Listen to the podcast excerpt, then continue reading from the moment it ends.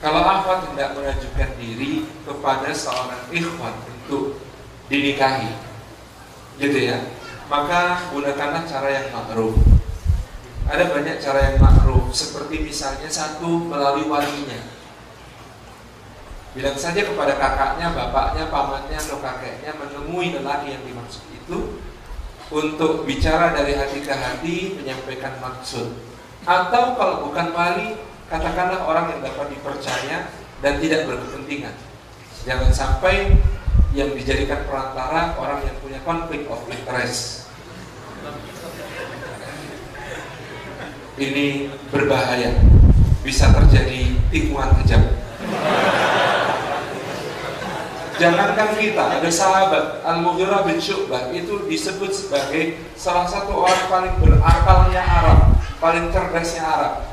Satu hari Al-Mughirah bin Syu'bah tidak menikahi seorang perempuan.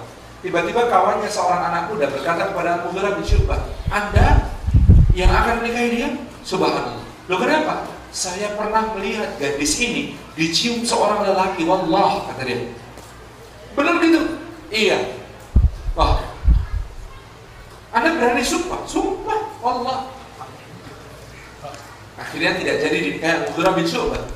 Tidak lama kemudian ternyata pemuda tadi yang bilang agar tidak menikahi gadis itu karena pernah dicium lelaki lain, itu menikahi gadis itu. Ketika walimah Al-Mughirah bin Syu'bah bisikin, lo katanya pernah dicium lelaki lain, kok malah ada nikahi? Iya, yang nyium itu bapak. Al-Mughirah bin Syu'bah ketika menceritakan aku belum pernah dikalahkan oleh seorang pun di Arab kecuali pemuda ini.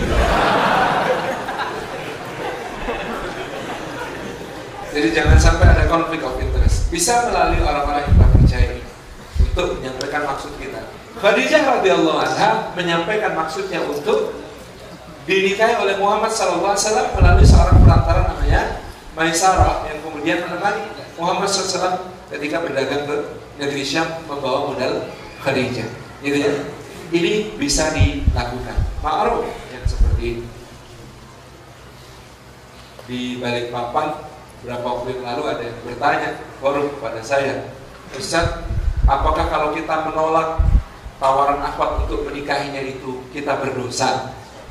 Kemudian saya jawab kepada beliau, Astagfirullahaladzim kalau itu dianggap dosa, dosa saya banyak sekali.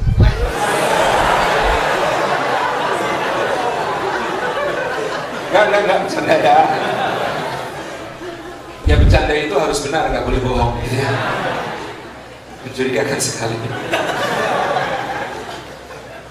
Nah, Iwan dan Afan yang dimuliakan oleh Allah Subhanahu wa taala, cara yang lain uh, tadi saya sudah cerita di Masjid dan Patah bagaimana Sayyidina Umar ini ketika kemudian putrinya sudah menjanda dan masa indahnya habis, dia bergerilya mencari suami yang saleh untuk putrinya. Ini tadi caranya adalah melalui wali. Ini cara yang ma'ruf dan bisa diterima di dalam budaya kita.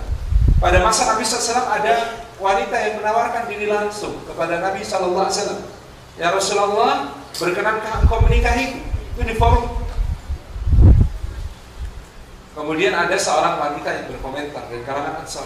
Ih, gak tahu malu, ih, gak tahu malu, ih, masa gitu, ih, ih, gitu. Maka ada seorang Ansar yang kemudian menegur wanita yang mengomentari itu.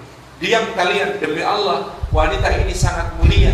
Dia mencintai Rasulullah dan dia mengungkapkan cintanya, ingin berumah tangga bersama Rasulullah. Itu adalah satu cita-cita yang mulia dan tidak ada aib tentang itu. Daripada kalian gak jelas. Tapi saya kira hal se ekstrim ini agak berat secara uruf kita agak kesulitan. Maka menurut saya caranya dengan yang, yang pertama melalui perantara wabil khusus khusus pakai solder adalah wali ini yang berwenang untuk memiliki akses ke sana. Eh, Emangnya yang mana sih Uti? Bukan yang sebelah saya kan ya? Kalau yang sebelah saya saya sampaikan loh ini. Tuh ada.